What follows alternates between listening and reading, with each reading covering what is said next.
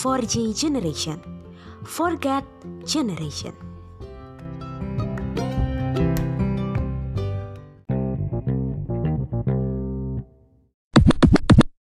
Shalom teman-teman, di mana pun teman-teman berada saat ini Saya berharap semuanya baik-baik saja dan dalam perlindungan Tuhan Sebelum kita mulai ibadah kita, sebelum kita mau sama-sama memuji nama Tuhan dan mendengarkan renungan firman Tuhan Ada satu ayat dari Roma pasal 15 ayat yang 13 Dalam bahasa Indonesia masa kini mengatakan Allah adalah tempat kalian berharap Semoga ia mengisi hatimu dengan segala sukacita dan sejahtera karena kalian percaya kepadanya, supaya dengan kuasa roh Allah kalian makin berharap kepada Allah. Teman-teman, sebelum kita mau sama-sama memuji nama Tuhan, mari kita mau sama-sama satukan hati, mari kita mau berdoa. Tuhan kami mengucap syukur atas segala anugerahmu bagi setiap kehidupan kami tempat ini, di mana pun kami berada saat ini Tuhan, kami yakin dan percaya Engkau menyertai setiap kehidupan kami. Sebentar Tuhan kami akan memuji muliakan namamu, Engkau berkati setiap kami, agar apa yang kami nyanyikan saat ini, apa yang kami dengarkan saat ini Tuhan, ini menjadi suatu kekuatan bagi kami, menjadi penghiburan bagi kami, dan menjadi sumber kekuatan bagi kami. Kami serahkan Tuhan hanya tanganmu, hanya dalam nama Tuhan Yesus. Haleluya. Amin. Penuhi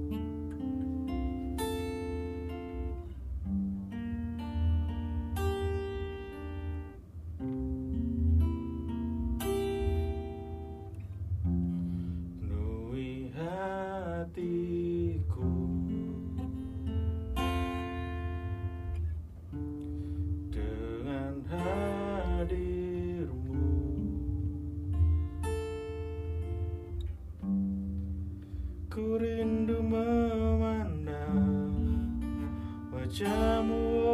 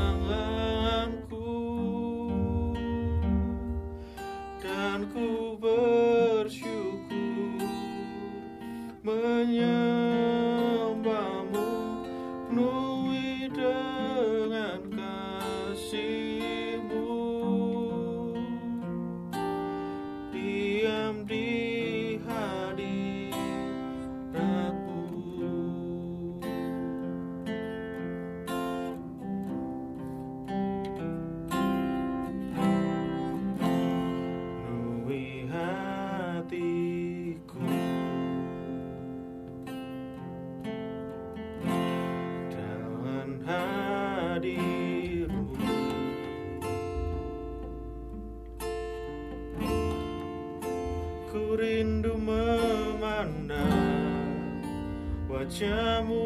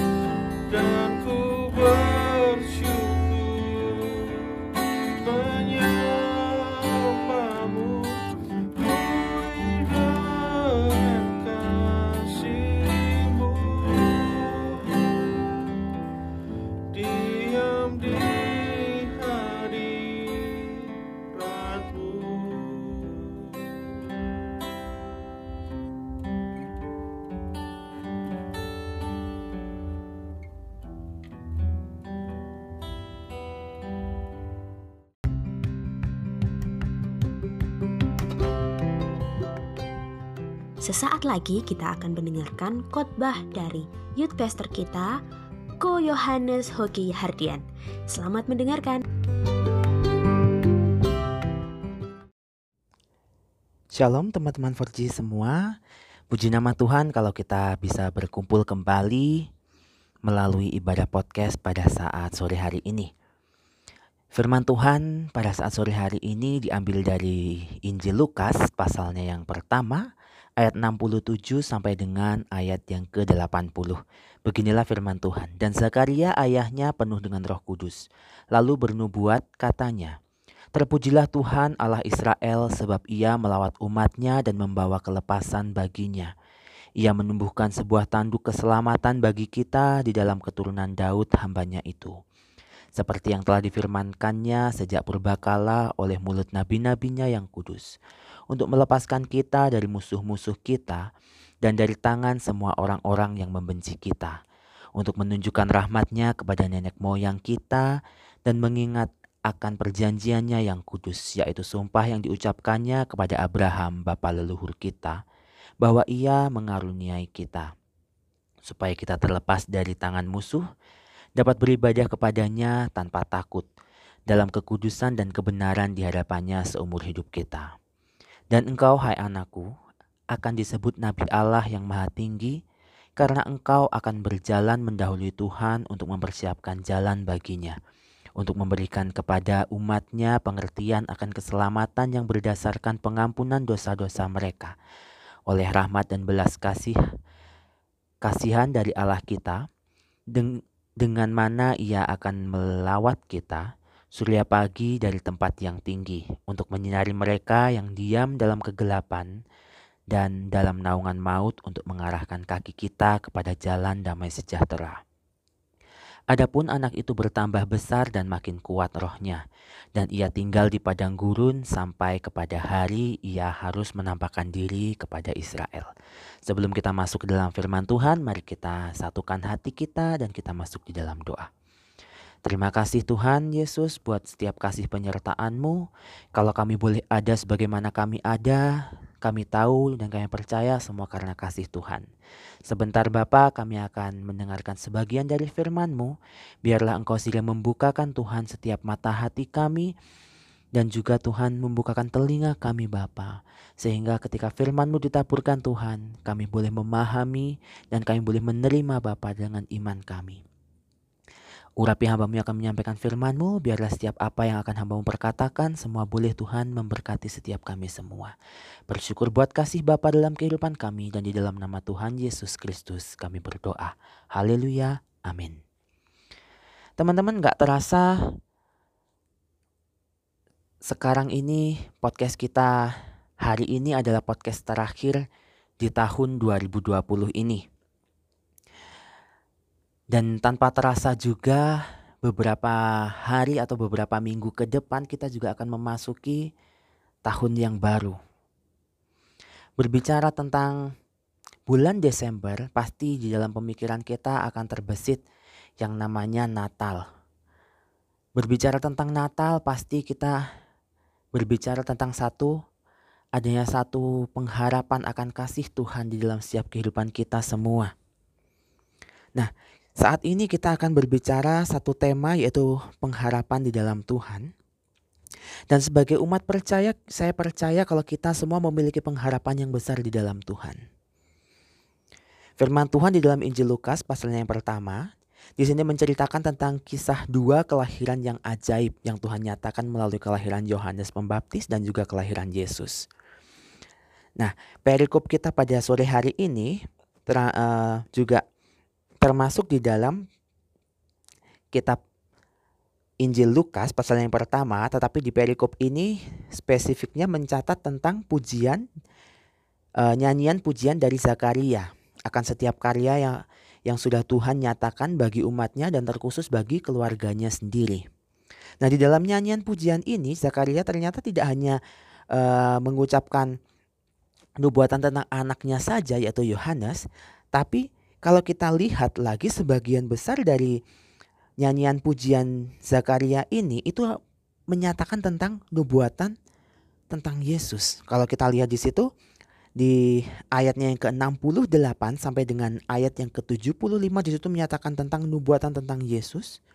Dan di ayat yang ke-76 sampai dengan ayatnya yang ke-79 di situ menyatakan nubuatan tentang Yohanes. Nah, kembali kalau kita lihat di bagian awal dari Injil Lukas pasal yang pertama di sini, di situ Zakaria dan Elizabeth di sini mereka sudah bergumul cukup lama tentang kerinduan hati mereka untuk memiliki seorang anak. Di situ firman Tuhan menyatakan bahwa Elizabeth itu dalam keadaan mandul. Dan kalau di sini kita lihat di ayat yang ke-13 di situ memberikan satu clue kepada kita bahwa mereka tidak pernah berhenti berharap kepada Tuhan. Sehingga Tuhan senantiasa mendengarkan doa mereka. Senantiasa melihat kerinduan mereka. Dan di sini mereka juga tidak pernah berhenti berharap dan mereka tidak pernah berhenti berdoa kepada Tuhan untuk meminta seorang anak. Nah, kalau kita lihat di dalam konteks perjanjian lama di sini mandul kemandulan itu merupakan satu aib bagi masyarakat Yahudi. Bahkan mulut daripada Elizabeth sendiri mengatakan di ayatnya yang ke-25 di situ sekarang Tuhan melepaskan aku dari aibku.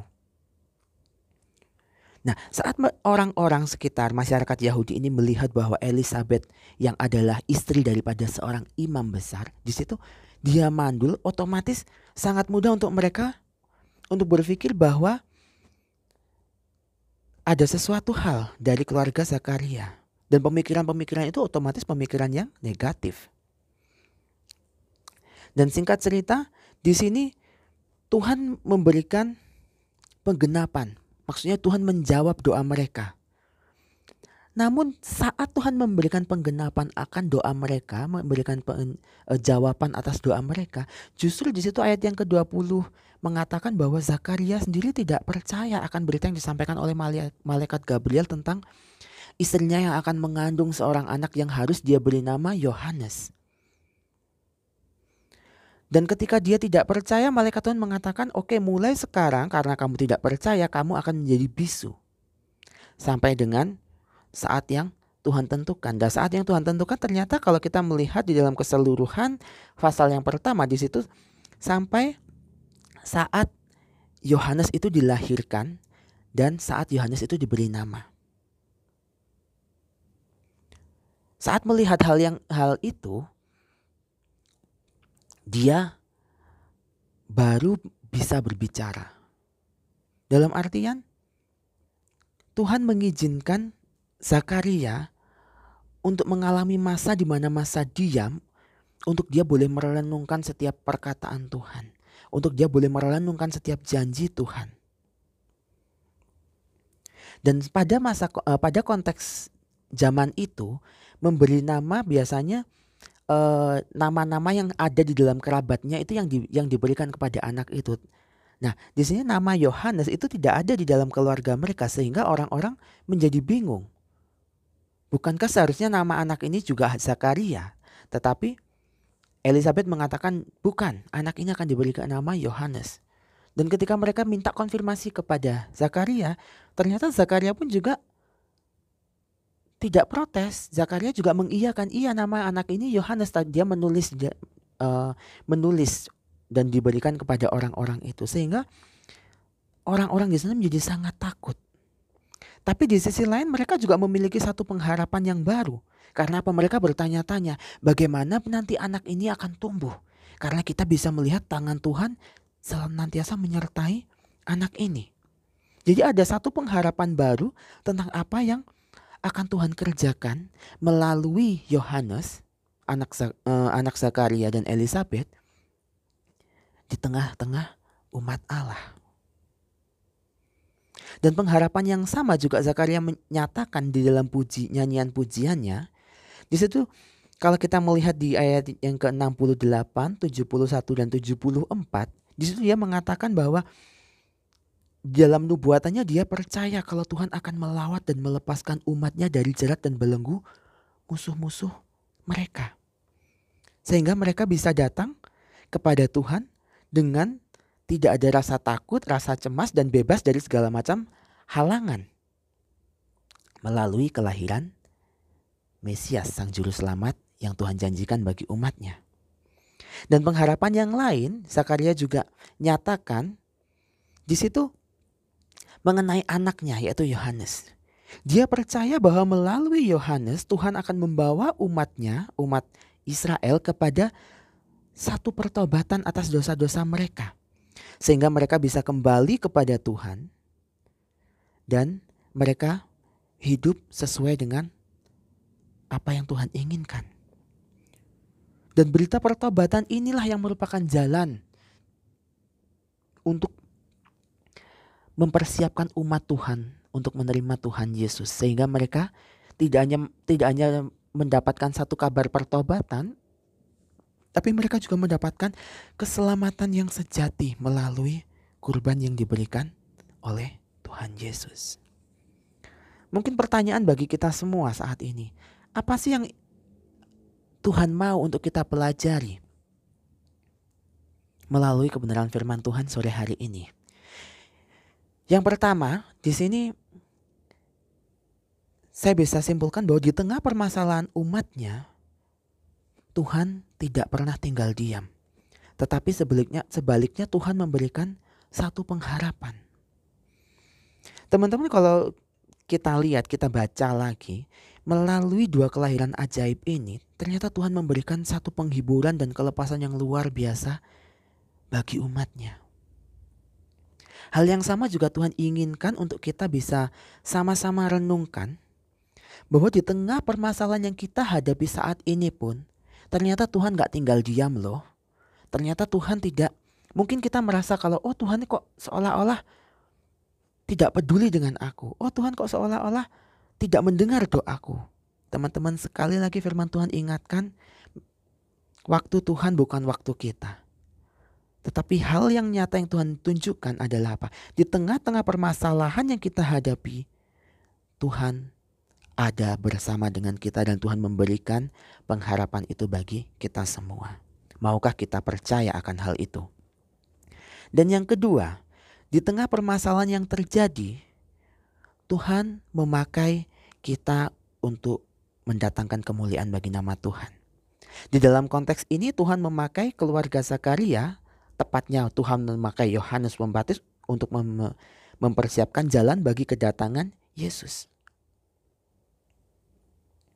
Hal yang sama di tengah situasi terpuruk yang kita alami, Tuhan ingin kita merenungkan bahwa ada rencana Tuhan yang lebih indah daripada apa yang kita pikirkan, yaitu Tuhan mau memakai kita untuk menyatakan kemuliaan namanya.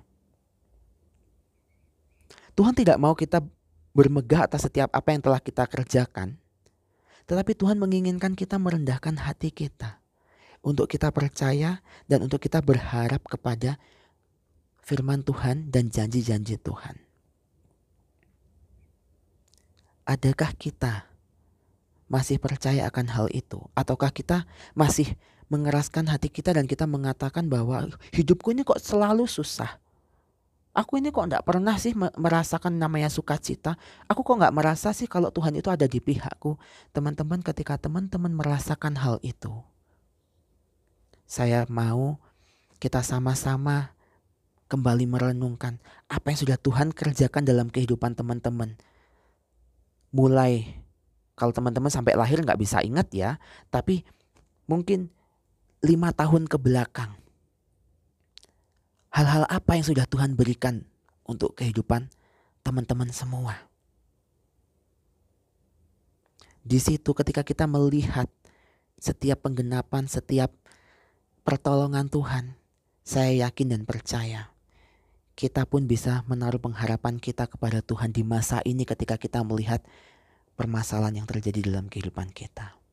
Yang ketiga, Tuhan mau kita bertambah dewasa dan semakin berkembang di dalam karya Roh Kudus.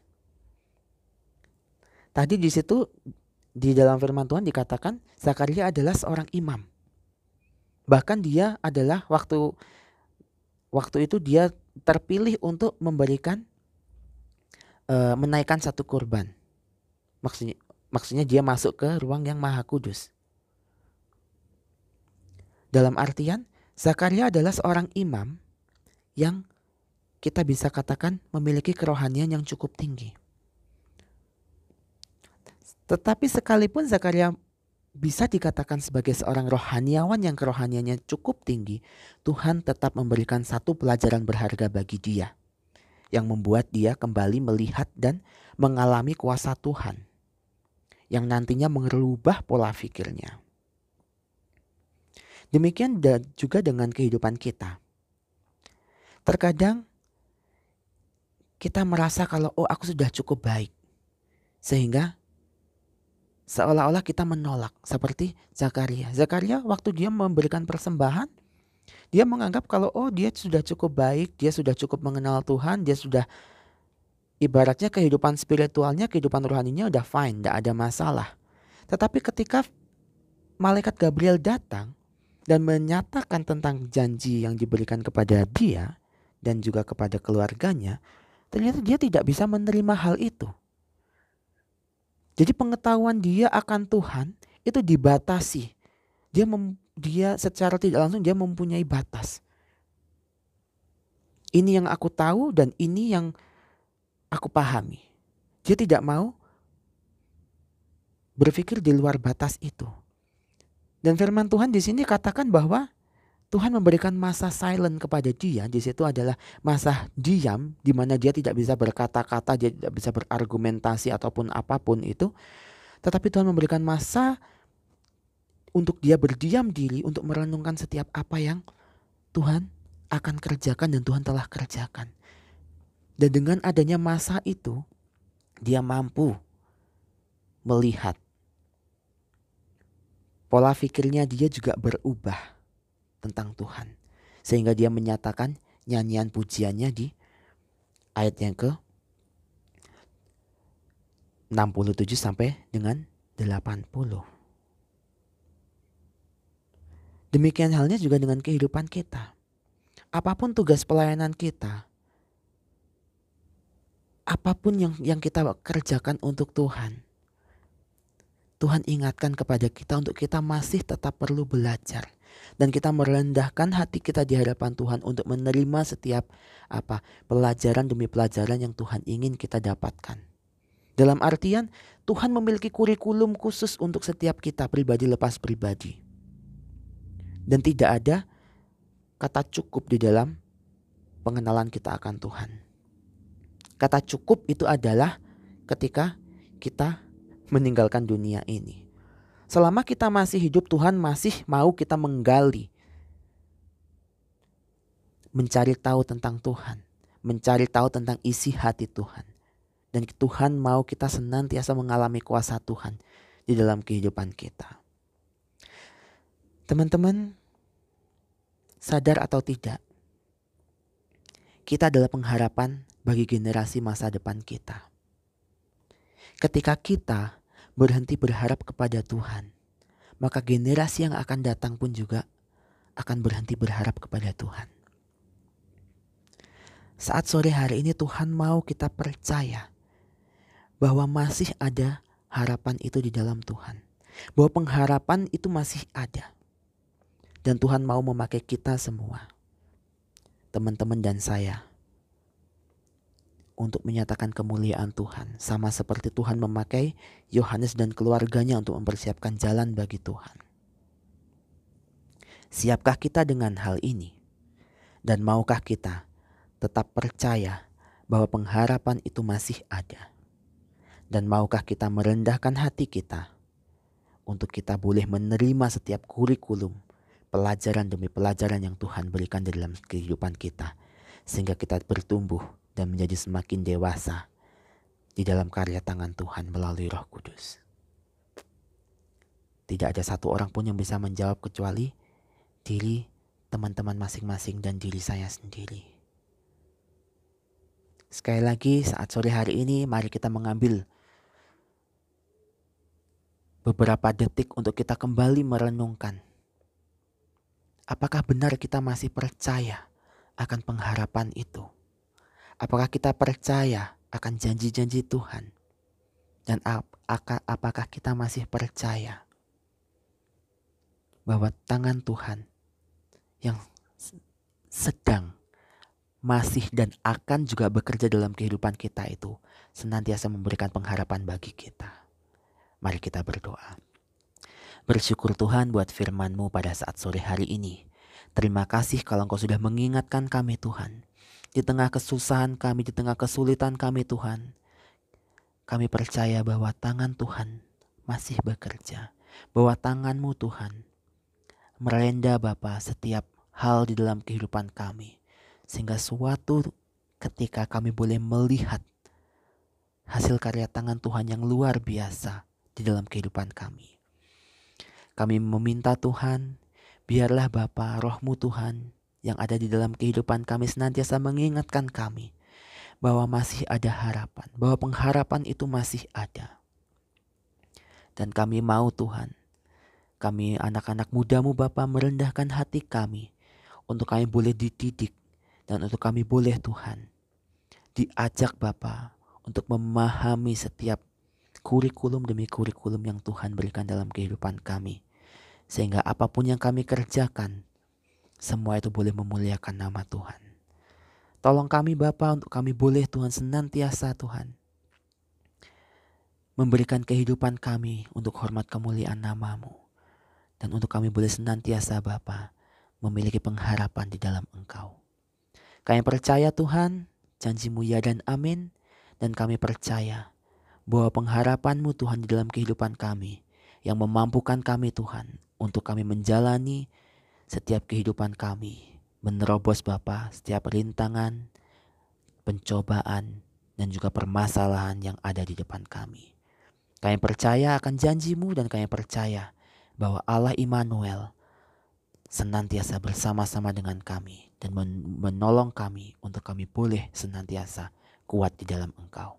Bersyukur buat kasih Bapa dan di dalam nama Tuhan Yesus Kristus kami mengucap syukur dan berdoa. Haleluya. Amin.